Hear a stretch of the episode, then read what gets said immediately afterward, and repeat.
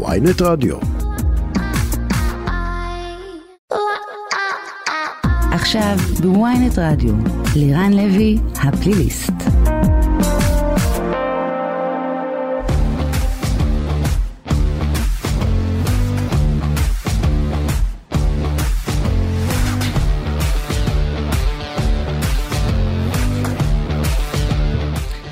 שחשב שארגוני פשיעה זה עניין למגזר הערבי בלבד, קיבל אתמול בערב בבת ים הוכחה נוספת לכך שהעבריינים במגזר היהודי מרימים ראש מול משטרה שנמצאת באחד מהמשברים הגדולים בתולדותיה.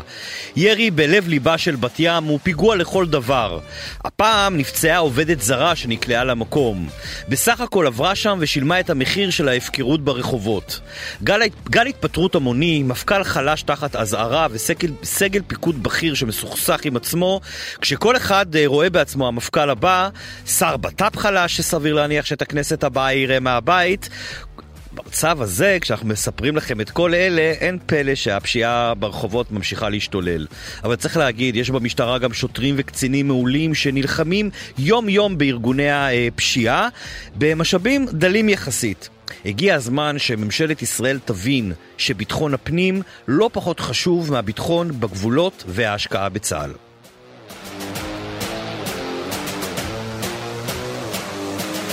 וכמובן, אה, אי אפשר אה, שלא אה, לדבר, כמו שפתחנו, על ארגוני הפשיעה. אם ראינו את זה במגזר הערבי, אנחנו רואים לאט לאט גם עבריינים בחברה היהודית הולכים ומרימים ראש, ועל זה נדבר עם חיים טייב, ראש מדור, ראש מדור מבצעי חטיבת המודיעין של המשטרה, סגן ניצב. שלום לך. שלום, אה, צהריים טובים לירן. אה, אני לא יכול שלא להתחבר אה, לסיום של הפתיח שלך, שבהחלט כל נושא ביטחון הפנים וחיזוק המשטרה הוא צורך שהוא צורך מדיני, ציבורי, ובהחלט הסיום של הפתיח שלך הוא לדעתי מסכם את הכל. כן, תשמע, אנחנו, יש פה פער אדיר באמת בין ההשקעה בצה"ל בגבולות ועל ביטחון המדינה, שזה דבר הכרחי וחשוב, כורח המציאות. אבל איפה, ה... אין שום קורלציה בין ההשקעה הזאת להשקעה בביטחון הפנים שלנו. ובסוף אתם הקצינים שנמצאים במשטרת ישראל צריכים להתמודד עם עומס גדול מאוד של הרבה מאוד עבודה, אה, עם, עם, עם, עם, לא, עם לא הרבה, זאת אומרת, יש אמצעים, אבל לא מספיק וצריך להשקיע בכם אה, הרבה יותר. אבל אתם עושים, אתם עושים עבודה, ואני כן הייתי רוצה שנדבר רגע על ה... אתם עושים עבודה מדהימה במובן של התקיפה. הכלכלית, אתם, אה, של איך אתם תוקפים כלכלית את הארגוני פשיעה, אבל רגע לפני שנדבר על זה, בוא, אם תוכל למפות לנו שנייה, מי ארגוני הפשיעה המרכזיים שאתם היום בלהב 433 מתעסקים איתם? תראה, לא, משטרת ישראל, קיימים היום מספר ארגוני פשיעה שממופים, שבעצם חולשים מדרום לצפון. כשמדברים על ארגוני פשיעה, אז צריך להבין, משטרת ישראל משקיעה את, אה, את כל האמצעים שברשותה, אם זה האמצעים האנושיים, שבעצם אנחנו מדברים שארגון פשיעה מטופל בעצם על, היחיד, על ידי יחידות העילית של משטרת ישראל, מלהב 433 ודרך הימ"רים המחוזיים, זאת אומרת שכל ארגון פשיעה מקבל את החליפה האנושית מבחינת כוח אדם איכותי של משטרת ישראל את, את, את הטופ של המשטרה. בדיוק, רק נאמר, חלק מהארגונים, היאחב"ל מטפל, חלק היל"פים מטפלים, זאת אומרת, יש, זאת אומרת, זה, זה משתנה בהתאם לגודל הארגון, בהתאם ל... בוא ל... נעשה סדר כן. לירן, ארגון פשיעה שמוגדר כארגון פשיעה, ותכף אני אגע, ונגעת במשהו חשוב מבחינת אה, תחושת הביטחון של הציבור. כן. ארגון פשיעה שמוגדר כארגון פשיעה, וצריך לקחת, יש לזה תבחינים מסוימים, עם ההיררכיה, עם הזרועות הכלכליים, עם פעילות בינלאומית בחו"ל. פעילות פשיעה בחו"ל מטופל אך ורק על ידי היחידות המרכזיות של משטרת ישראל. הימ"רים. וכמובן, הימ"רים והיחידות הארציות. Mm-hmm. משטרת ישראל משקיעה בשני המישורים, ונגעת בזה, הפשיעה כמובן במגזר הערבי, דרך מסלול בטוח, דרך טיפול בארגוני הפשיעה המרכזיים הערביים, אה, שמטופלים ביחידות, ומשטרת ישראל אה, רשמה לא מעט הצלחות. בטיפול. כן. ויש לנו, אם אנחנו מסתכלים על ארגון אה, ש, שנמצא בצפון, אז אנחנו מדברים על כמות אדירה של כתבי, כתבי אישום, למעלה, למעלה מ-60 עצורים, שני ראשי ארגון שנמצאים בתום הליכים, למעלה מ-25 כתבי אישום, מעצרי תום הליכים וחילוט של עשרות מיליוני שקלים. אז אה, משטרת ישראל אה, שמה לעצמה אה, אה, את הטיפול הזה בראש מעייניה, ומצד שני, עוד פעם, אנחנו לא מזכירים כמובן את כל הטיפול במגזר היהודי. צריך לקחת בחשבון שמ-512, הפרשייה הגדולה בעצם ש, ש, שהתפוצצה, אה, ארגוני הפשיעה היהודים הם נחלשו, ולוואקום הזה נכנסו ארגוני הפשיעה הערבים. אז כמובן שעקב הכניסה ועקב זה שראינו שמה שהיה מוכר לנו, כשהיינו מסתכלים על ארגון פשיעה, שהוא היה ארגון פשיעה טריטוריאלי, עובד בצורה מסודרת מבחינת אה, אה, היררכיה, מבחינה שאנשים היו הולכים אחרי המנהיג, מבחינה גיאוגרפית, הדברים השתנו. אנחנו רק ראינו את זה לצורך העניין בחיסול האחרון של בני שלמה. כן, בני אוקיי. שלמה אה, הוא אה, מתגורר בדרום, mm-hmm. האירוע קרה בתל אביב, וה, ולצורך העניין החשודים שכרגע נמצאים במעצר בכלל מאזור מרכז. Mm-hmm. זאת אומרת שהשת"פ המודיעיני היום של משטרת ישראל מצריך שיתוף פעולה מכלל היחידות, ואני מדבר מכלל היחידות, זה יחידות ארציות, הימ"רים המחוזיים, כולם בעצם כאגרוף אחד, ולכן היום הסינכרון בין היחידות והצורך לעבוד ביחד על מנת להגיע לתוצאות הוא הכרחי וככה אנחנו עובדים. אה, לירן, דבר, נגעת דבר חשוב, אנחנו גם משקיעים את מירב האמצעים הטכנולוגיים. ולצערנו אה, זה אף פעם לא מספיק. גם לקחו לכם אגב חלק מהאמצעים הטכנולוגיים, פרשת פגסוס, ועל לא עוול בחיי... אתה כל כך צודק לירן, וזה נקודה רגישה וחשוב שגם הציבור יכיר את זה, בסדר? משטרת ישראל אה, מנסה בכל האמצעים הטכנולוגיים, בסופו של דבר הפגיעה בארגוני פשיעה זה למען כולנו. אף אחד לא רוצה לראות את האירוע שהיה בבת ים, או להיות בתחנת דלק שמחסלים באים אה, ופוגעים בבני שלמה. לצורך העניין, רק לקחת בחשבון, רק אה, לסבר את האוזן של המאזינים לירן, השנה mm-hmm. אנחנו מדברים על אה, מספר של כמעט 60 סיכולים בזמן אמת של ניסיונות חיסול, של עבריינים עם, עם כדור בקנה שהיו בדרך לחיסול, שסוכלו על ידי משטרת ישראל. וצריך לומר לא שאתם לא, זה לא, אתם אפילו לא מדווחים על הדברים האלה, זה יאמר, אתם לא, גם אתם, על סיכולים, אתם, לא, אנשים לא, פשוט לא יודעים, הציבור בסוף רואה את מה שמצליח לחמוק. אתה כל כך צודק, וזה בדיוק כשאנחנו מדברים על תחושת הביטחון. בסופו של דבר, אה, מספיק אירוע כמו בת ים, ומספיק אירוע כמו בן ישמעאל, שיפגע בתחושת הביטחון של הציבור, ואנחנו מבינים את זה. אנחנו לא יכולים להיות בכל מקום, כן. ודיברת על כוח אדם, נכון. באמת, אה, ואתה יודע, ומדברים על זה כולם, באמת יש מגמת פיטורים במשטרת ישראל, אבל במקביל, משטרת ישראל נמצאת כרגע במבצע גיוסים המוני, mm-hmm. של לגייס כוח אדם על מנת לנסות לעמוד במשת... במשימות. כן. וכשאנחנו מדברים על משימות של משטרת ישראל, אז צריך לראות, רק לסבר את האוזן, קח את האירועים בשייח' ג'ראח, קח את האירועים אה, של שומר חומות, קח אה, את, את, בחירות, את הבחירות שבאות אלינו בשבוע, בשבוע הקרוב. כל אלה משימות שמשטרת ישראל נמתחת במלוא איבריה וכלל שוטריה על מנת לעמוד במשימות. ובנוסף לכל המשימות האלה אנחנו מטפלים כמובן בפשיעה החמורה. אבל תגיד רגע, שאלה, הדבר הזה, הדבר הזה, הרי אנחנו ראינו איך אה, אתם, אה, משטרת ישראל מפרקת ביחד עם הפרקליטות, גם פה מגיע להם, אה, אני לא מפרגן להם הרבה, אבל הנה, יש לי אפשרות אז לפרגן להם, מגיע להם על פרשה 512. עשיתם באמת עבודה מדהימה, אתם הצלחתם כמעט לא לגמרי, אבל כמעט לפרק את ארגוני הפשיעה בחברה היהודית, מה שבעצם, ואז ארגוני הפשיעה בחברה הערבית תפסו את הבמה. אנחנו לאחרונה, תקן אותי אם אני טועה, אנחנו גם, בדיוק דיברתי על זה במונולוג, אנחנו רואים יותר ויותר ארגוני פשיעה בחברה היהודית שמרימים ראש, שהם איבדו את הפחד מהמשטרה. אין הרתעה. תראה, אתה לקחת את האירוע, את אירוע בת ים, ואתה יודע... דוגמה, זה, כן. זה דוגמה, אבל בסדר, זה לא כל... זה, וזה משהו שעוד פעם, אני יכול לנסות להסביר אגב, גם בני שלמה, לבצע רצח ככה, ראינו את התיעוד בתחנת דלק, באמצע היום, כשהם בורחים עם הרכב, כשרודף אחריהם קצין משטרה על אופנוע, והם נכנסים ברכבים אחרים, כאילו אנחנו במשחק GTA. הם יוצאים מהרכב, עוברים לנתיב הנגדי, גונבים, מוציאים אישה מהרכב, גונבים לה את הרכב, ממש כמו ב-GTA, במשחק מחשב, כן? גונבים לה את הרכב, וכל זה קורה לאור יום בשעה פקוקה, אז הפחד אה, הלך אה, לאיבוד לגמרי, לא? אתה צודק שאנחנו רואים עלייה, ועלייה עלייה שרואים אותה בצורה משמעותית בתעוזה של אותם עבריינים. בהחלט יש עלייה בתעוזה, ו... וצריך גם לציין, אה, לירן, בסופו של יום האירוע שהיה ב... ב... בתחנת הדלק ברצח של בן שלמה, ראינו כן. קצין שלא היה במשמרת, שיצא והגיב ראשון, נכון. וירה לעבר הרכב, ובעצם שיבש את פעולת המסכלים בבריחה שלהם. וראינו נכון. פעילות מודיעינית אה, של שילוב זרועות, של היחידות הכי טובות של משטרת ישראל. נכון. אם זה ימ"ר לכיש, אם זה ימ"ר מרכז. אני חושב שימ"ר לכיש, מכל היחמ"ר. הימ"רים, אני חושב, אם רגע תרשה לי, דעתי, אני חושב שהם הימ"ר המוצלח ביותר של משטרת ישראל, זו דעתי לפחות. מבחינת הימ"רים, ימ"ר חזק מאוד שמביא תוצאות, ולא בפעם הראשונה. דרך אגב, אני מסכים איתך במאה אחוז, ימ"ר לכיש הוא ימ"ר מצוין, וכמו ימ"ר לכיש, יש ימ"רים אחרים, ותראה, בסופו של דבר, לנו בחטיבת המודיעין יש אה, סיסמה, סיכול לפני תגובה.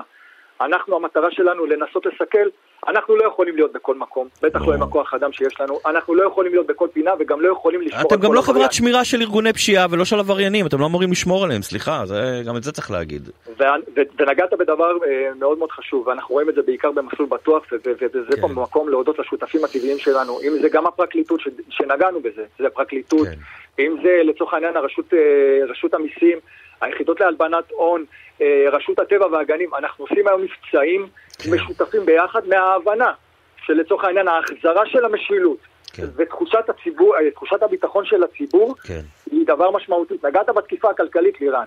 אז בהחלט, היום אנחנו מבינים שלפרק ארגון יש צורך משמעותי לפגוע בצינורות של הכסף שלהם. אז אנחנו עובדים עם יחידות שהן ייעודיות לס- לסיפור הזה, ועושים את הכל על מנת לפגוע, גם להכניס את האנשים מאחורי סורג ובריח, אבל גם לפגוע להם בצינורות אה, אספקת הכסף. ואני עוד פעם אומר, אנחנו, אנחנו מנסים לפגוע בהם גם פה וגם בחו"ל, בכל מקום כן. שהם נמצאים. ולראיה, ואתה מכיר את זה טוב לירן. אה, אפילו ארגון חרירי, חלקם ברחו נכון. ולא נמצאים בארץ. נכון. הם ברחו, לא ברחו בגלל שהם אה, פחדו שבאים לפגוע בהם, הם ברחו בגלל שהפעילות המשטרתית הייתה מאוד מאוד לחוצה כלפיהם, והבינו שהם צריכים לצאת החוצה. אז אנחנו מנסים, היריעה אומנם היא קצרה, ו- ו- ולצערי נגעת בזה לירן, בסיפור של הפגיעה ב- באמצעים הטכנולוגיים. כן. אז באמת על לא עוול בכפינו, ו- ו- וזה נבדק, ונבדק ונסרק במסר- במסרגות, ו- ו- והגיע שמשטרת ישראל, אה, לצורך העניין, היה, היה דברים ש- שנעשו טעויות, אבל השימוש בכלי היה שימוש אה, במשורה ול- ולפי מה שהיה צריך, ו- ו- והציבור חייב להבין, העבריינים לא עוצרים. גם אם עצרו אותנו להשתמש בכלי, העבריינים לא עוצרים, והעבריינים כן. משתמשים באמצעים הכי מתוחכמים שיש, ושאנ- וכולנו רוצים משטרה חזקה, ומשטרה חזקה צריכה את האמצעים הכי טובים שיש. כן. אז בהחלט אנחנו חושבים, ואני יכול להגיד לך שמשטרת ישראל עובדת אה, לשינוי חקיקה, כמובן יחד עם, עם מי שצריך, על מנת שהמלחמה שלנו אל מול ארגוני פשיעה תהיה אפקטיבית. לא רק שינוי חקיקה, אני חושב שגם בתי המשפט צריכים אה, להיכנס מתחת לאלונקה, והשופטים, ולהפסיק לשחרר ממעצרים ועונשים, להחמיר בעונשים, והגיע הזמן. האמת שאנחנו די סיימנו, אבל כן שאלה אחת אחרונה שאני כן הייתי רוצה להספיק איתך בקצרה. אה, אם אנחנו, את הארגוני פשיעה בחברה הערבית אנחנו מכירים, בחברה היהודית, מי ארגון הפשיעה שהכי מאתגר אתכם היום? תראה, אני, אני לא רוצה להגיד את זה, אתה יודע למה? כי באיזשהו מקום, אה, חלק מהטענות שגם אנחנו עושים פרסומים לאותם אה, ארגוני פשיעה. אני יכול להגיד לך שיש ארגוני פשיעה יהודים, הם מקבלים את אותה חליפה כמו... אה, בוא נשאל אותך שאלה פשיעה. אחרת, האם בעקבות החיסול של בני שלמה אנחנו אה, נראה פה ארגון חדש שקם, או שאנשים יתפזרו לארגונים הקיימים? אה, נגעת בזה, וזה, אתה יודע, אנחנו במצב שכרגע אנחנו בוחנים, אה, זה גם מוקדם להגיד, כי בסופו של דבר בני שלמה היה ארגון, ואנחנו רוצים לראות אם האנשים שהיו עם בני שלמה יקום יורש לבני שלמה, או לצורך העניין, כמו שאמרת. הערכה שלך? יקום יורש. או מה אתה מעריך? אני, אני יכול, אני, אני בהערכה שלי ובתקווה שלי שהארגון הזה יתפרק ואנחנו כבר לא נשמע לארגון הזה זה של בני. שלמה, אבל זה משאלת לב ועוד. פעם זה מוקדם, ברור. כאיש מודיעין זה מוקדם וזה רק הערכה והשערה. אנחנו, אני יכול להגיד לך שעם יד על הדופק בנושא כן. הזה, וכמו שאמרתי, כמו שאנחנו נוגעים בארגוני פשיעה ערבים, כן. כך בארגוני פשיעה היהודית, וחשוב להגיד, לירן, כן. דבר מאוד מאוד חשוב. כל קורבן הוא קורבן אחד יותר מדי, ולפעמים, וזה גם אה, אה, הערה לתקשורת בנושא הזה. לא כל ירי שקורה זה ארגון פשיעה, ולפעמים אנחנו ברור. לוקחים, וה- וההפחדה, ו- יש הרבה סכסוכים שהם סכסוכים מקומיים, שאמרתי לך, התעוזה עלתה, נכון. אבל לא כל דבר ארגון פשיעה, ואני יכול להבטיח שאנחנו כמשטרת ישראל עושים את המיטב. הגיע הזמן שייתנו לכם יותר משאבים ויתחילו לה- להעצים ולהאדיר את המשטרה ואת מעמד השוטר במדינת ישראל. אני מבטיח לכולם שהדברים יראו אחרת. אה, סגן ניצב חיים אה, טייב, אנחנו בטוח עוד אה, נדבר כאן, הייתה שיחה מאוד מעניינת, ראש מדור מבצעי בחטיבת המודיעין של המשטרה, להב 433. תודה רבה לך. תודה לך לירן, צהריים טובים. צהריים טובים. כל מי שצופה בנטפליקס, ורבים מאיתנו אה, צופים בתוכנית הזו, ב, אה, סליחה, בנטפליקס, בתוכניות שונות, בסרטים שונים, נחשף לאחרונה ל... התוכנית המזעזעת על אה, ג'ף דאמר, רוצח אה, סדרתי שפעל אה, בארצות הברית בשנות, משנות, אמצע שנות ה-70 עד תחילת שנות ה-90, הוא הצליח לרצוח עשרות קורבנות הומוסקסואלים, כאשר רובם הם שחורים או אסייתיים, בזמן שהמשטרה ממש מאפשרת לו לרצוח, לא עושה שום דבר, וכשהשכנים מזמינים כמה פעמים משטרה בגלל כל מיני סיבות כאלה ואחרות, המשטרה, באחד הפעמים שהיא מגיעה, אה, ממש לוקחת את אחת מקורבנות העבירה שהוא רוצח אחר כך, שמצליח להימלט מהדירה של דאמר, ומחזירה את אותו קורבן, ילד בן 14, אסיאתי, שדאמר סימם אותו. אה, אה, בגלל זה גם לא, הילד לא צריך בכלל להסביר לשוטרים מה קרה. שוטרים החזירו אותו לידיים של דאמר, ושם בדירה אה, דאמר רצח אותו בדם קר. סדרה שמעוררת הרבה מאוד עדים, וחושפת אותנו לתופעה הזאת של מה שנקרא רציחות סדרתיות. אז אין לנו בישראל, או לא היה לנו בישראל ממש רוצחים סדרתיים כמו דאמר, אבל כן היו דברים בעבר, ומי שמתמחה טוב טוב בנושא הזה של רוצחים סדרתיים הוא אבי דוידוביץ', ניצב משנה בדימוס, בכיר לשעבר בלהב 433, קרימינולוג, צהריים טובים לך. שלום וברכה. ראית את הסדרה של דאמר? לא, תראה מספיק אותי. אתה מכיר את הסיפור? כן, אני מכיר את הסיפור, ובמובנים רבים אה, דאמר אה, עונה על הפרופיל של הרוצח הסדרתי, של הרוצח הסדרתי, ככל שאנחנו יודעים, mm-hmm. ואני מדגיש את, ה, את המושג ככל שאנחנו יודעים לגבי רצח סדרתי, כי הידע שלנו הוא, הוא כנראה מאוד מאוד מוגבל. ואם אה, אנחנו, יתאפשר במהלך הזמן, mm-hmm. אני כן אסביר אה, למה הידע שלנו על התופעה הזאת אה, הוא ידע מוגבל מאוד. אני אשמח, אבל אולי נתחיל בדבר הבסיסי. בישראל אה, בינתיים לא ראינו דברים כמו דם, אנחנו לא רואים זוועות כמו ארצות הברית, למה? כי זה, ארצות הברית היא מדינה הרבה יותר גדולה וזה בהתאם לגודל האוכלוסייה, היחס, וגם כאן, ככל שתגדל האוכלוסייה אנחנו נחשף לדברים כאלה, או שזה תלוי תרבות? תראה, בישראל פעלו רוצחים סדרתיים אה, בין אם הם נתפסו ובין אם הם לא נתפסו, ובישראל פועל, אה, פועלים, פעלו ופועלים, אבל בהחלט אה, אתה צודק לגמרי שיש הבדל עצום בין ישראל, ואגב, ועוד הרבה מדינות אחרות במערב, לבין ארה"ב, התופעה היא כן. מאוד מאוד שכיחה ונפוצה בארצות הברית לעומת מדינות אחרות בעולם. וזה באמת מעניין. יש עוד הרבה תופעות שקשורות במעשי רצח שהן הן יותר אה, מאפיינות את ארצות הברית מאשר אה, מדינות אחרות, זה גם יכול להיות אה, לגבי רצח המוני, לאו דווקא רצח סדרתי, אלא באירוע אחד נרצחים יותר משלושה, או מקרים נוספים כמו ירי בבתי ספר, כן. נגיד על ידי תלמידים, שלשמחתנו בינתיים אנחנו עוד לא מכירים את זה גם בישראל, כך ש... יש הבדלים בין ישראל לארה"ב, ובאמת... השאלה אם זה יגיע, שוב, זה באמת בגלל גודל האוכלוסייה, וככל שנגדל פה גם זה יגיע? לא, לא, אני לא מדבר, זה לא קשור לגודל האוכלוסייה, כי אם אנחנו אה, מתרגמים את זה לפר 100 אלף תושבים, אז זה גם באופן מוחלט. כן. ולא רק אה, באופן יחסי, אלא אנחנו מדברים על מספרים חד משמעיים שבישראל אה, התופעה הזאת היא פחות בעיה מאשר בארצות הברית. יש לזה הסברים אה, תרבותיים אה, שנוגעים לתרבות הנשק ועוד כמה עניינים שמאפיינים את ארצות הברית וכנראה שונים ממה שקורה בישראל. תגיד, אה, למשל, הרוצח של משפחת אושרנקו, אם אתה זוכר, בטוח שאתה זוכר, כן. ראשון לציון לפני כמה שנים, הוא לא הוגדר כרוצח סדרתי, למרות שזה טבח של משפחה שלמה הוא עשה שם. נכון, שם נרצחו שבעה אנשים, והוא נכון. מוגדר כרוצח המוני, וזה ההבדל, אני התייחסתי לזה. כן. ההבדל בין רוצח המוני לרוצח סדרתי, שרצח המוני זה אירוע שמתבצע באירוע אחד, כן, כן. במשך, בפרק זמן מצומצם, כן. של יכול להיות אפילו מספר קצר של שעות, ושם נרצחים יותר משלושה אנשים, ורצח סדרתי זה סדרה של שלושה מקרים ומעלה, כן. שהם נמשכים על פני יממה ואילך. ומה שמאפיין את הרוצח הסדרתי יש, יש מאפיינים שונים מאוד שמבדילים בין הרוצח הסדרתי לרוצח ההמוני. Mm-hmm. הרוצח הסדרתי אה, עושה כל מה שיכול כדי אה, לא להיתפס. בניגוד לרוצחים המוניים שחלק מהם אה, או שהם מתאבדים על אתר או שהם נתפסים על ידי כוחות המשטרה, אה, רוצח סדרתי פועל אה, לאורך הרבה מאוד שנים. אה, הוא מצליח להתחמק, שאף אחד בעצם לא יעלה עליו גם, נכון?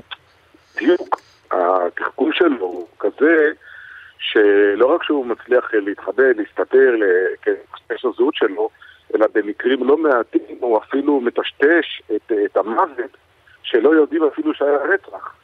זו שזה מסווג כאירוע של נעדר, שפשוט בן אדם נעלם ולא יודעים מה, ואז מסווגים את זה כנעדר ולא כרצח, או שזה אפילו נחשב כאיזושהי תאונה, הוא מביים את הרצח כסוג של תאונה, תביעה או איזשהו אסון אחר, ובכלל לא מסווגים את זה כרצח. כן. שלא יודעים בכלל שהיה שם רצח, ורצח של רוצח סדרתי. כך שאנחנו מדברים בסך הכל על uh, טיפוס שהוא uh, די מתוחכם, uh, באמת רמת האינטליגנציה שלו היא uh, ממוצע ומעלה. אגב, שזה גם מתאים לאותו אדם שאנחנו מדברים בו, uh, כן, עם התוכנית של נטפליקס, הג'פרי דאמר הזה, שבאמת מאובחן כאדם עם אינטליגנציה כן. גבוהה. תגיד, מה, לסיום, מה הסיכוי שאנחנו uh, נראה כאן בישראל רוצח סדרתי כזה סטייל ג'ף דאמר, שגם מוותר גופות ו... תראה, אה, היו לנו, אמרתי לך, שהיו כן. לנו אה, כמה מקרים של, אה, של רוצחים סדרתיים שהתגלו בישראל. אני לא רוצה לעשות תחרות על מי יותר נחמד ומי פחות נחמד, כי גם הרוצחים שהתגלו בישראל הם היו זוועתיים, ביצעו מעשים נוראיים, ואפשר כאן לתת שמות. וקח בחשבון שיש לנו גם כן כמה סדרות של מקרים שאפשר להניח כמעט בצורה די ברורה כן. שהם נעשו על ידי רוצח סדרתי רק פשוט הוא לא נתפס כמו סדרה של רציחות של נשים צעירות בשרון נכון, גם. באזור השרון, נכון. או סדרה של רציחות של ילדים באזור uh, תל אביב רבתי, כן. וגם סדרה של נשים שעסקו בזנות ונרצחו. זאת אומרת, אה, אנחנו יכולים בהחלט להניח ולהציב את זה כאיזושהי אה, הנחה די, אה, די מופרכת, אם נאמר את זה בזהירות, שבכל שעה פועל בישראל לפחות רוצח סדרתי אחד. אנחנו מקווים שזה יהיה במינימום, ואנחנו עוד אה, נחזור ונעסוק בנושא הזה, כי זה נושא מאוד מעניין, ובטוח שעוד אה, נרצה גם לדבר איתך על זה. אה, אבי דוידוביץ', ניצב משנה בדימוס, קרימינולוג, תודה רבה לך. תודה לך. ועכשיו אנחנו עם עופר אשקורי, מייסד פורום השוטרים, הגמלאים והסוהרים. צהריים טובים. בסדר גמור, אבל שנייה לפני שאנחנו נתחיל איתך, אה, מבזק קצר. אה, הרגע הותר לפרסום שהמשטרה חוקרת חשד לפלילים באירוע שבו נפלה בחודש אפריל אישה, נפלה בתל אביב מהגג.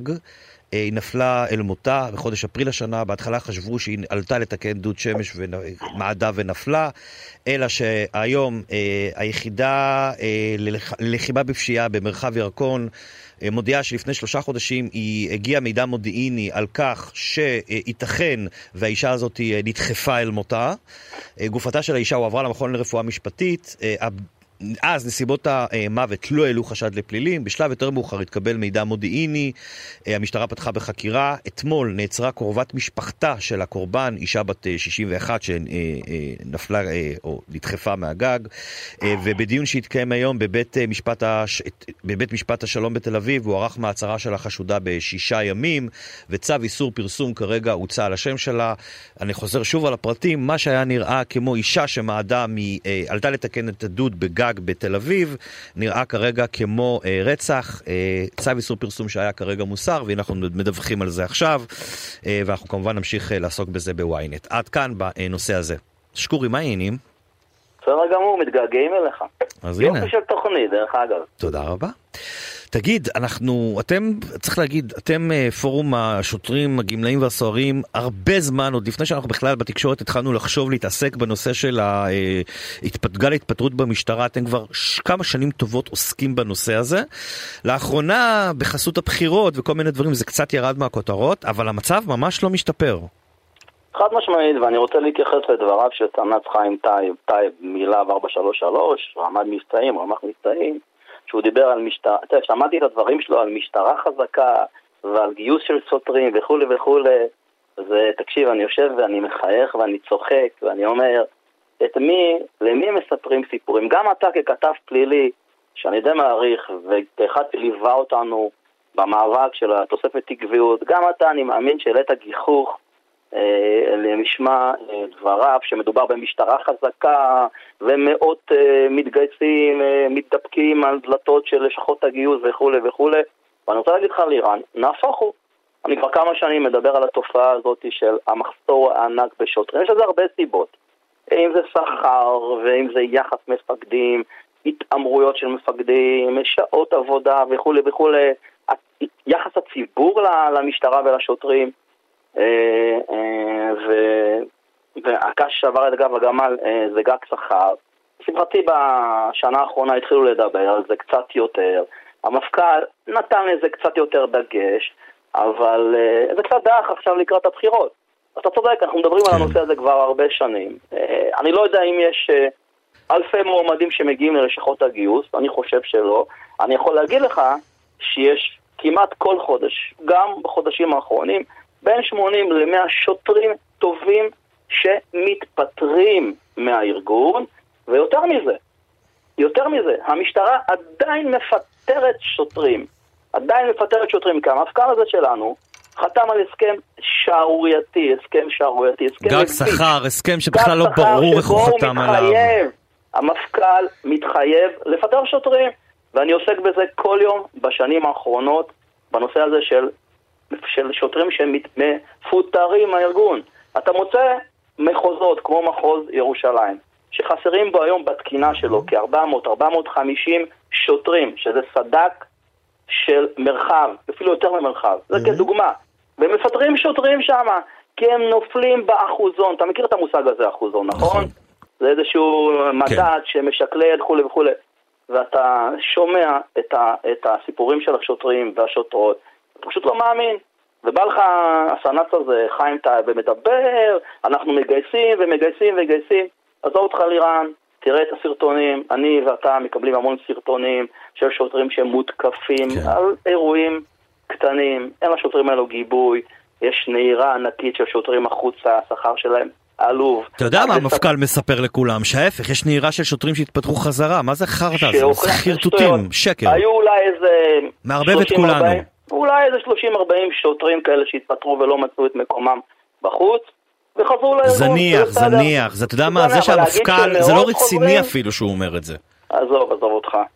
אותו מפכ"ל נזכיר שחתם על גג ארגון, נזכיר, הוא זה, ש... סליחה, גג שכר, הוא זה שחתם על הדבר, הוא וגולדברג, כן, לא רק הוא, הוא וראש אמ"ש גולדברג. גולדברג, ראש אמ"ש, ויותר מזה, אנחנו, הפורום שלנו, הבאנו את שניהם לוועדת ביטחון הפנים בכנסת, פעמיים הבאנו אותם, ובפעם האחרונה, בדיון האחרון, אומר המפכ"ל בקולו, אומר, הנושא הזה של גג שכר כן. נועד בראש ובראשונה למנוע משוטרים להגיע לגיל פרישה. תגיד לי, איזה מנהל בארגון חותם על הסכם שמי שמתגייס לארגון שלו, אין לו קביעות, אין לו ביטחון תעסוקתי, כן. אין לו פנסיה, אין לו...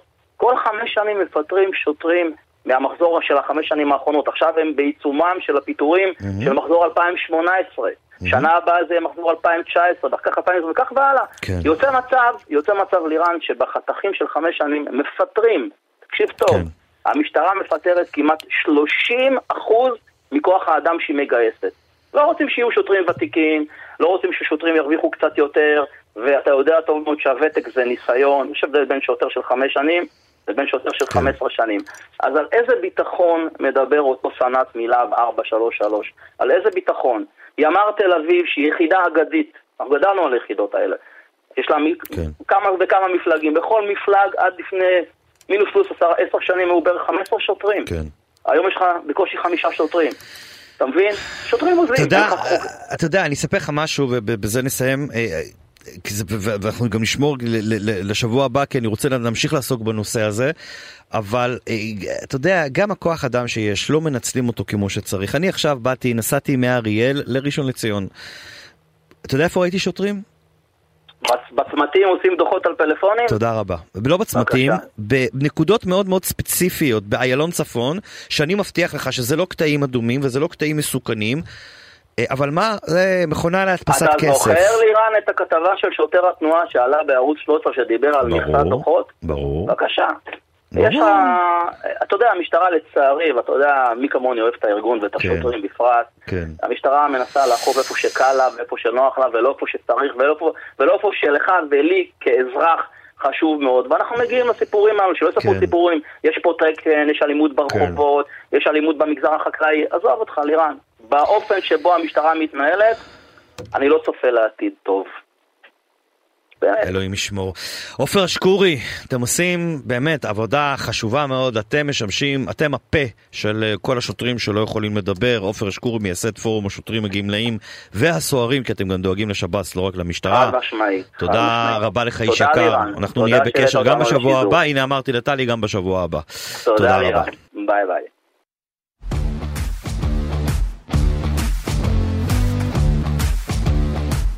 לירן לוי הפליליסט גדעון, אבא של אה, יואל לן, לן הגהלה, שלום לך.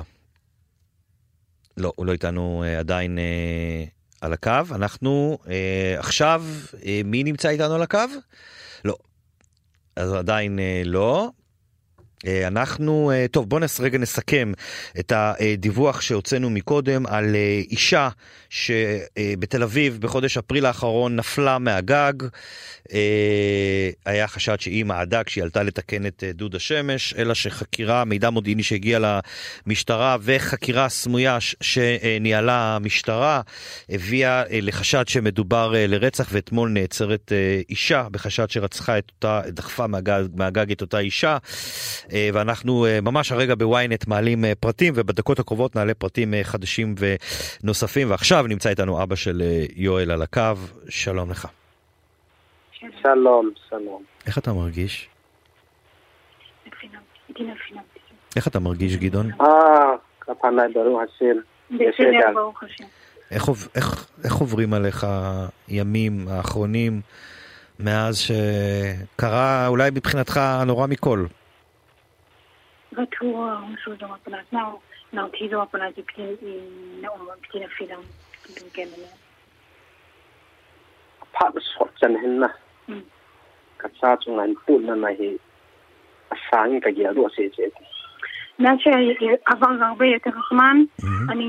שזה יותר וזה יותר פוגע.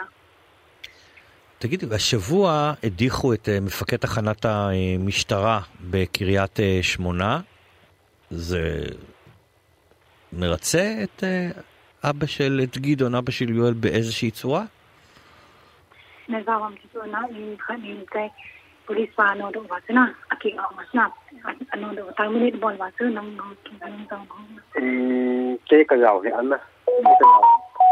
לא, אני לא השתתפתי, לא, אני לא ידעתי על זה. הוא לא ידע שמפקד תחנת המשטרה בקריית שמונה הודח מתפקידו? E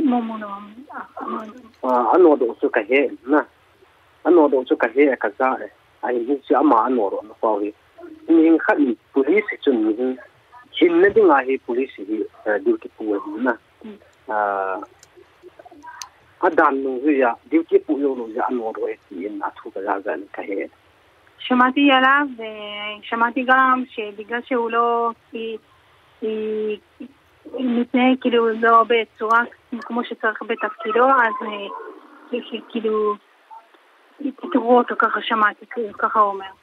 זה מנחם באיזושהי צורה?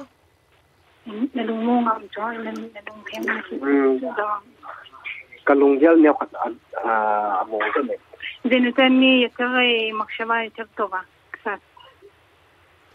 וזה בטח עכשיו ימים אה, לא קלים שאתם, אה, שהוא עובר, נכון? מה, יכול לשתף אותנו על הלילות האחרונים שהוא עובר, בטח על המחשבות על הילד הבכור, נכון? הוא היה הבכור שלכם. נכון, כן, כן. متقبلين من بعضي أثناء الفرص تاين هوتنا أبا متقبلين هوتو إتينا كمان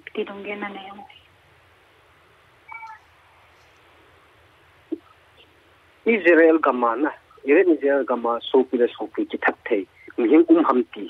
那样。Israel gamana, Israel gama sopi da sopi ki thatthei, mihing ham ti hi ka het do apat lai jen na, kalunga dong זה פעם ראשונה שאני שומעת על היהודים נרצח, יהודים רוצח יהודים, ובזה, אני חשבתי על זה המון בלילה, באותו לילה שנרצח הבן שלי.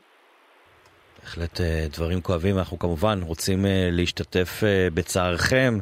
ולהבטיח שאנחנו כתקשורת עוקבים אחרי הסיפור הזה ונעשה באמת הכל כדי שמי שאחראי ומי שעשה את הדבר הזה ישלם את המחיר. תודה רבה לכם על השיחה הזאת. תודה רבה.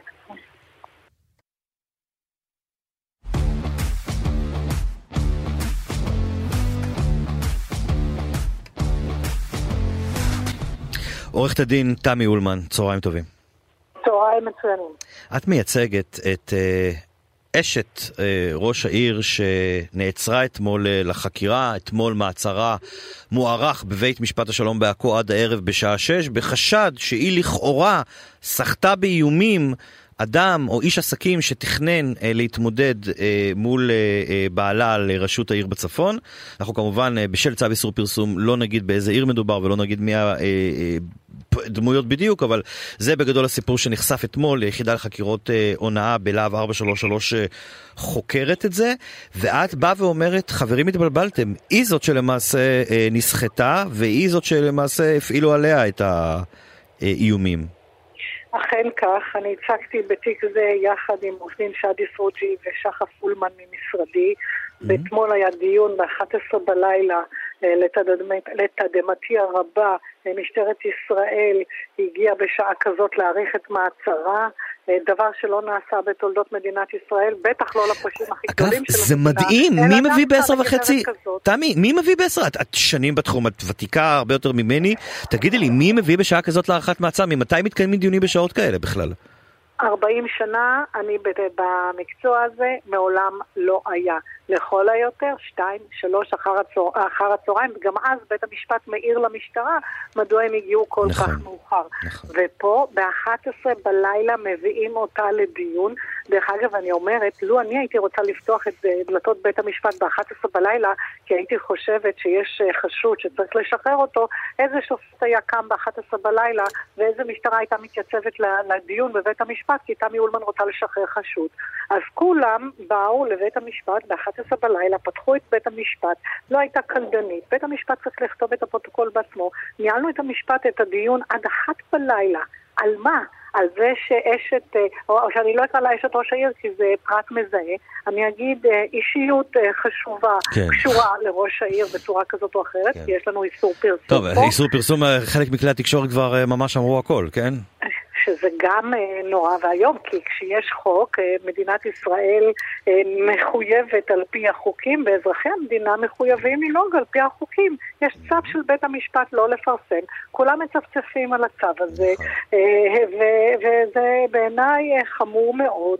זה לא צריך לקרות, לא יכול להיות שהתקשורת תעמיד בתור עובדה את הפרטים שלה, כשבית המשפט קובע מפורשות לא לפרסם. זה אסור, זה בלתי חוקי, ונראה את המשטרה מטפלת בעניין הזה. אל, תעצרי את נשימתך, לא יטופל. סליחה? אני אומר, אל תעצרי את נשימתך, זה לא יטופל. זה לא יטופל, כי אה, חבל מאוד, כי אה, כשלא מטפלים אה, בבעיות, אה, ולו אה, בעיות שנראות שוליות, אז הפשע מתגבר, לא יעזור. אם יש כן. צפצוף כן. על החוק וצפצוף של אנשים ממערכת, המשפט, ממערכת העיתונות, ממערכת התקשורת, בכירים, שבאים ומזלזלים בצו שופט, אז אין לי מה לומר, אני באמת... אולי אגב, אה, לא שאני מנסה להגן על הפרה של צו, אבל אולי גם הצווים האלה הפכו להיות דבר כל כך מופרך, שניתן כל כך בקלות, שגם זה משהו זה, אבל, אבל לא, לא, לא, נעסוק בזה, זה לא הנושא כרגע. תגידי, היא הולכת, האישה, אה, להשתחרר הערב אה, בשעה אה, שש, וגורמים שאני מדבר איתם במשטרה אומרים לי, תשמע, חרטה ברטה, אף אחד לא יהיה מלא, היא זאת ש... היא מחוללת האירוע פה, את אומרת ממש לא. ממש לא, ואני אומר לך שאני אתן לך כמה אנקדוטות בתיק הזה. היא לפני כמה חודשים מגישה אה, תלונה במשטרה על כך שהיא נסתחצת, על כך שהיא מאוימת, כן. על כך שעוקבים אחריה. היא גם מקבלת צו אה, למניעת הטרדה מאיימת. בוודאי, כן. בית המשפט נותן צו להטרדה מאיימת שלא יתקרבו אליה, ואותם אנשים כן מתקרבים אליה, וגם אתמול הגיעו לבית המשפט בניגוד לצו, mm-hmm. אבל אני אומר, אני אומר, הרי היא באה ומתלוננת.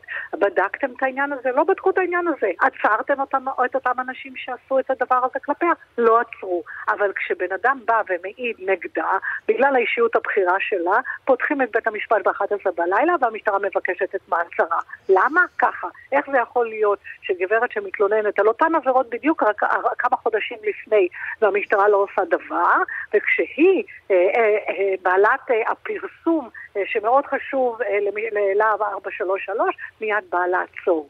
ואני כן. אוסיף כן. ואני אומר, ויש עוד דברים אה, חשובים לומר, שאותו אדם הגיש תלונה גם נגד בעלה של החשודה, נגד, נגד אותו אדם, והמשטרה קוראת לו לחקירה. המשטרה קוראת לו לחקירה. למזלו לא היו ראיות תומכות, אחרת גם הוא היה מוצא את עצמו על ספסל החשודים. זאת אומרת שיש לנו כאן אה, אה, עניין עם אדם כן. שלכאורה מעליל אה, עלילות שווא. עושה עבירות אה, לכאורה, אה, לפי טענתה של מרשתנו, אה, ולאחר מכן רץ למשטרה ואומר, גזלו לי, אכלו לי, סחטו אותי.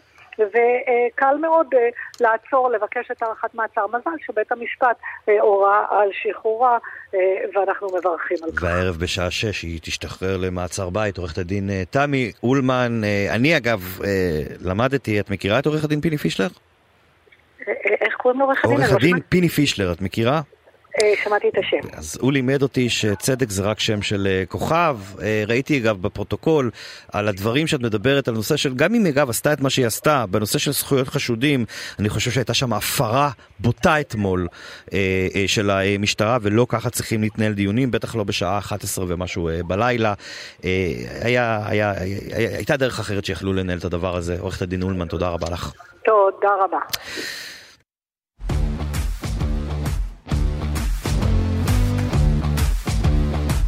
לירן לוי הפליליסט. עורך דין פיני פישלר. צהריים טובים. צהריים טובים, מה שלומך? בסדר גמור. מה יהיה, תגיד? מה יהיה באיזה תחום? לא יודע, שמעת את השיחה האחרונה שלי עם עורכת הדין תמי אולמן? כן, אבל... אה, אה, לא, תענה לי רק על שאלה אחת. מביאים אנשים לחקירה בלהב 433 בשעה 6 בבוקר, בסדר? מוציאים אותם מהבית שלהם ב-6 בבוקר. למה רק בשעה 11 בלילה מביאים אותם להארכת מעצר בבית משפט השלום בעכו? ורגע, אל תענה לי עוד, תן לי להכניס עוד שאלה. עורכת הדין אולמן העלתה את זה, וזה נכון. אם היא הייתה מבקשת לפתוח את בית המשפט בשעה 11 בלילה, היא כסנגורית, האם גם אז בית המשפט הזה היה נפתח? אני אשמח לשמוע, תודה. קודם לגבי הסיפה של השאלה, ברור שלא, אה. אבל לגבי החלק הראשון של השאלה, אני למדתי, נדמה לי שגם מהכתבה שלך, שבמשטרה בלהב 433, כן. היססו אם בכלל אה, להגיע לבית משפט ולעצור את החשודים. לא תכננו בכלל להגיע לבית משפט, או, הנה אני אומר לך. או, אז לכן צריך אה, להגיד מילה טובה בעניין הזה על להב 433, כי כמו שאני הבנתי, אתה אומר מילה טובה על להב 433? באמת עכשיו? הנה, בבקשה. רגע, תן לי שנייה לשבת. הנה, טלי, תשב, ואני אסביר. פישלר אומר מילה טובה, אני אומר כן. לטלי העורכת. עליו 433, זה לא קורה. תקליטי, בבקשה, כן, עכשיו אתה יכול לדבר. בבקשה, ואני אסביר גם למה. אם בלהב 433 חקרו וחקרו וחקרו מהלך הרבה מאוד שלוש אה, שעות והיססו mm-hmm. עד ל, לשעות הערב המאוחרות אם יש מקום או אין מקום להביא את החשודים בפני בית משפט להארכת מעצרם וכפי שאני הבנתי מכתבה שלך, mm-hmm. שפתאום הגיע איזה חומר נוסף, תקן אותי אם אני טועה או שקראתי לא נכון. אתה קראת ורק... מדויק, הגיע מידע נוסף, כן. הנה התשובה, כן. ולכן, כן. ולכן אני לא מסכים עם הגברת תמי אולמן, שרק מכירה את שמי. לכן לא, אני לא, אומר סליחה, שצריך... המידע אבל הגיע בשעה חמש-שש בערב, רגע, רגע. עוד פעם, זה לא אוקיי. הוגן לעמוד בסטופר, כן. כי עובדה שהכוונה כן. של להב 433 הייתה לפחות לכאורה לחסוך את הצורך במעצר ולמצוא למשל חלופת מעצר. או okay. אוקיי. להגיע לאיזה הסכמות עם הסנגורים ולהימנע מלהגיע לבית המשפט. ולכן אם הם עשו את זה ב-11 בלילה, כנראה שלאור המידע הנוסף לקח זמן, ואתם יודעים שצריך לקבל החלטות, אולי ראש יח"א, אולי ראש אח"ם יגאל בן שלום, ולעשות הכל, לפחות הניסיון, להימנע מלבוא לבית משפט. אז הנה, מגיעה כן מילה טובה. הרי מצד שני, בעצם אתם אומרים, אצה רצה להב 433 ישר לבית המשפט כדי לבקש הארכת מעצר. והנה אני מציג לך דווקא תמונה הפוכה. כלומר, צריך להיזהר בכבודם של להב 433, למרות שאני מלא ביקורת על ההתנהלות הזאת. למה אני מלא ביקורת? הנה בפרשה הזאת.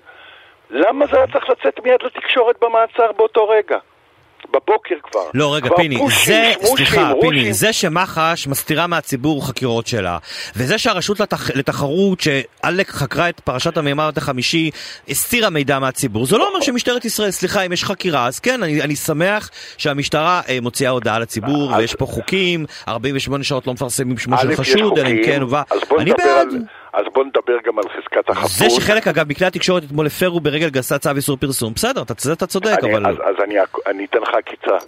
הרי מי כמוך יודע שבפרשה הזו לפחות יש שניים שהם קציני משטרה בכירים. אני מת להגיד את השמות שלהם, אבל אי אפשר. אני לא אומר שמות. אני מת, אני, אני. אתה, אז אתה רואה שגם השמות האלה כבר מודלפים.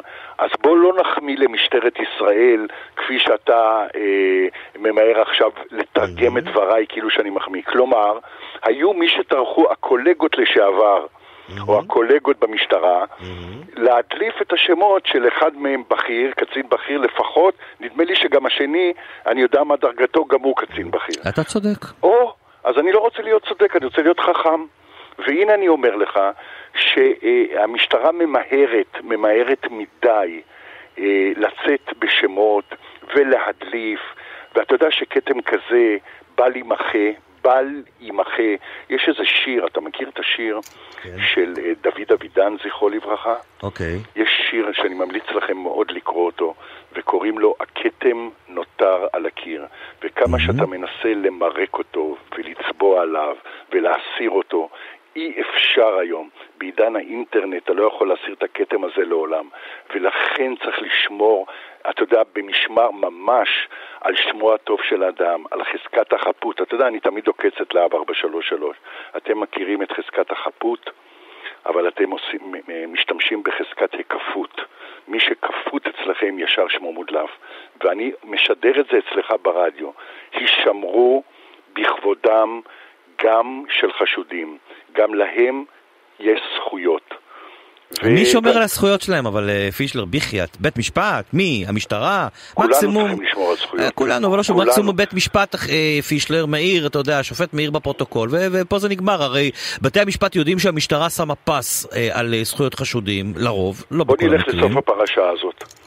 אוקיי. בוא נלך לשוף הפרשה, לפחות תאורטית. אוקיי. מה אתה חושב שיצמח מהפרשה הזאת? על אותה מילון, כפי שאני שמעתי או קראתי, היא כותבת היום שמדובר בפרשה מורכבת, נכון? נכון? היא באמת כתוב? מורכבת אגב, כן. יפה.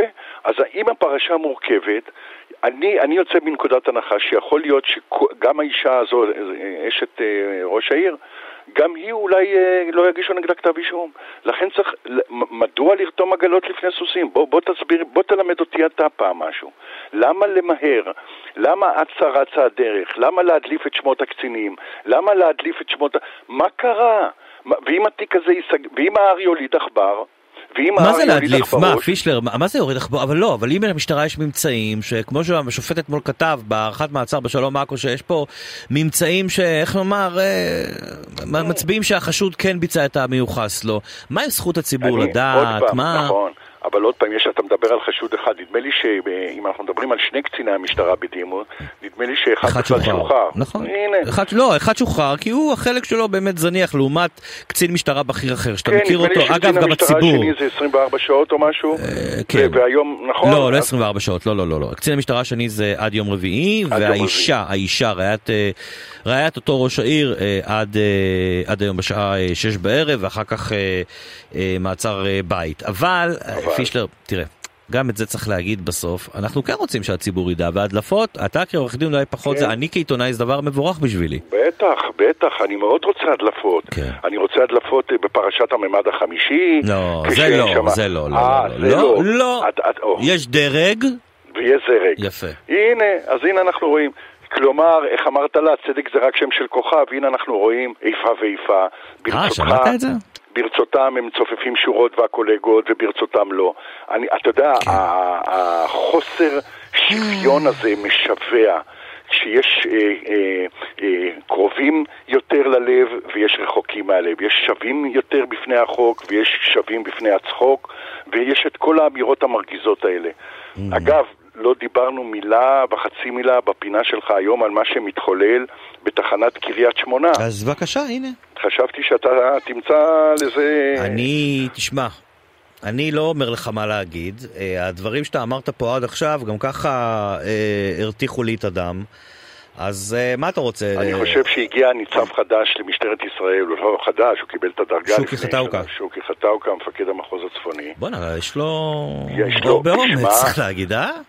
בטח, עשה, עשה מעשה שאני לא זוכר כמותו. אני גם לא זוכר. הוא רק נכנס לתפקיד, הוא כבר מינה קצין בודק בדרגת סגן ניצב, אותו קצין בודק הביא ממצאים חמורים על התחנה, באה היועצת המשפטית של מחוז צפון יחד עם צוות לביקורת פתע. המאזינים לא יודעים על מה אנחנו מדברים. זאת אומרת, הוא לא הסתפק, יודעים, על הדחה של מפקד תחנת אה, קריית שמונה. לא, אבל בעקבות מה? בעקבות הרצח של יואל, של ה... נכון, לא, יודעים, יודעים, יודעים, זה גם היה... מה שמדהים פה זה שמפקד המחוז החדש לא הסתפק בקצין בודק. הוא אחרי, הקצין בודק שלח ביקורת גם. לא, ביקורת פתע. ביקורת פתע. עם ממצאים מטרידים מאוד, שהוא... הנה, הנה, קח קונטרה. Mm-hmm. יש דוח קצין בודק ויש דוח מצמרר של ביקורת הפתע. למה הציבור לא זכאי לדעת? למה את זה המשטרה לא מפרסמת? הנה אתה רואה את הצד השני של המטבע. הרי להב 433, הרגע דיברת, אני לירן לוי, אני רוצה שידליפו לי ואני רוצה שייתנו לי. אז למה המשטרה לא רוצה להדליף לך את הממצאים הקשים מאוד נגד מפקד התחנה? נדמה לי שהסגן שלו קיבל אה, הערת אה, נזיפה לתיק, אה, קצין המשמרת הודח גם הוא, הדוח לא מדבר, בוא אני אתן לך סוד ככה, אתה יודע, המאזינים שומעים. יש. אם אתה חושב שהדוח המצמרר דן רק בתקלה של הניידת שעזבה בעקבות האירוע הקטטה עם הנערים, אז אתה טועה. לי מקור מאוד מוסמך סיפר שלא נשרף. שהדוח הזה חמור כדי פשיטת רגל של מה okay. אוקיי. שמתנהל בתחנת קריית שמונה. יופי, עכשיו את השאלה. למה הציבור לא מכיר את ה... למה הציבור לא מכיר את מה שאתה מכיר? למה מסתירים? אה, אז אני אענה לך, זו שאלה קלה. מה, קולגות? מה? הציבור לא מכיר מכיוון שבמשטרת ישראל יש אתר משטרת ישראל שנקרא אה, אה, האתר של משטרת ישראל, שהוא כן. בעיניי פראבדה. שם יש רק סופרלטיבים, שם אין ביקורת של בית המשפט, שם אין אה, מחדלים, אין עוולות, אין מכות, אין, אה, בקושי יש פסקי דין של אה, בידם, של בית הדין למשמעת. דוח מצמרר כזה, mm-hmm. כי אנחנו משלמי המיסים. מה קרה מהלך תקופה ארוכה בתחנת, בתחנת קריית שמונה, ולאו דווקא אירוע התקלה של הרצח, הוא מצמרר. הוא חייב להיות מובא בפני הציבור.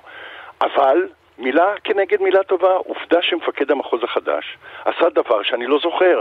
מתי אתה זוכר לירן לוי, בשנים האחרונות, שבא מפקד מחוז אמיץ והדיח מפקד תחנה? לא זוכר. הנה, אגב, אה, משפטנים בינינו, הוא לא רשאי, אין בסמכותו להדיח מפקד תחנה. השר בר לב, נכון. רק השר להמליץ בר לב, בהמלצה של המפכ"ל, נכון. השאלה היא אם השר בר לב, שמפלגת העבודה הדיחה אותו מהתפקיד, הוא יכול עכשיו אה, להדיח אחרים, הוא עוד רגע בבית. זאת גם שאלה שאנחנו צריכים אה, לשאול, אבל ברקע, פישלר, אפשר כבר לשמוע את המוזיקה מתנגנת, מה שאומר שאנחנו... פעם תבדוק מי, מי הוא מפקד המרחב של אותו קצין התחנה, ודי ברמז. פישלר, פעם הבאה שאתה נוסע לברטה, תשמור על עצמך. בסדר. תודה רבה לך, עורך דין פיני פישלר, יושב ראש אה, ועדת המשטרה בלשכת עורכי הדין, מפעיל עמוד הפייסבוק אה, משטרת אה, לאוי דה פינס וממייסדי תנועת אומץ. ועד כאן התוכנית הפליליסט עם לירן לוי, עורכת התוכנית היא טלי ליבמן, טכנאי השידור שהיה לנו כאן עמית זק, והייתי אומר לכם להיפגש בשבוע הבא, אבל לא, בשבוע הבא אתם תצאו להצביע, כולכם. אה, בחירות, ואנחנו ניפגש כאן מיד אחרי הבחירות בעוד אה, שבועיים. מיד אחרינו חדשות השעה 1, המשך האזנה נעימה.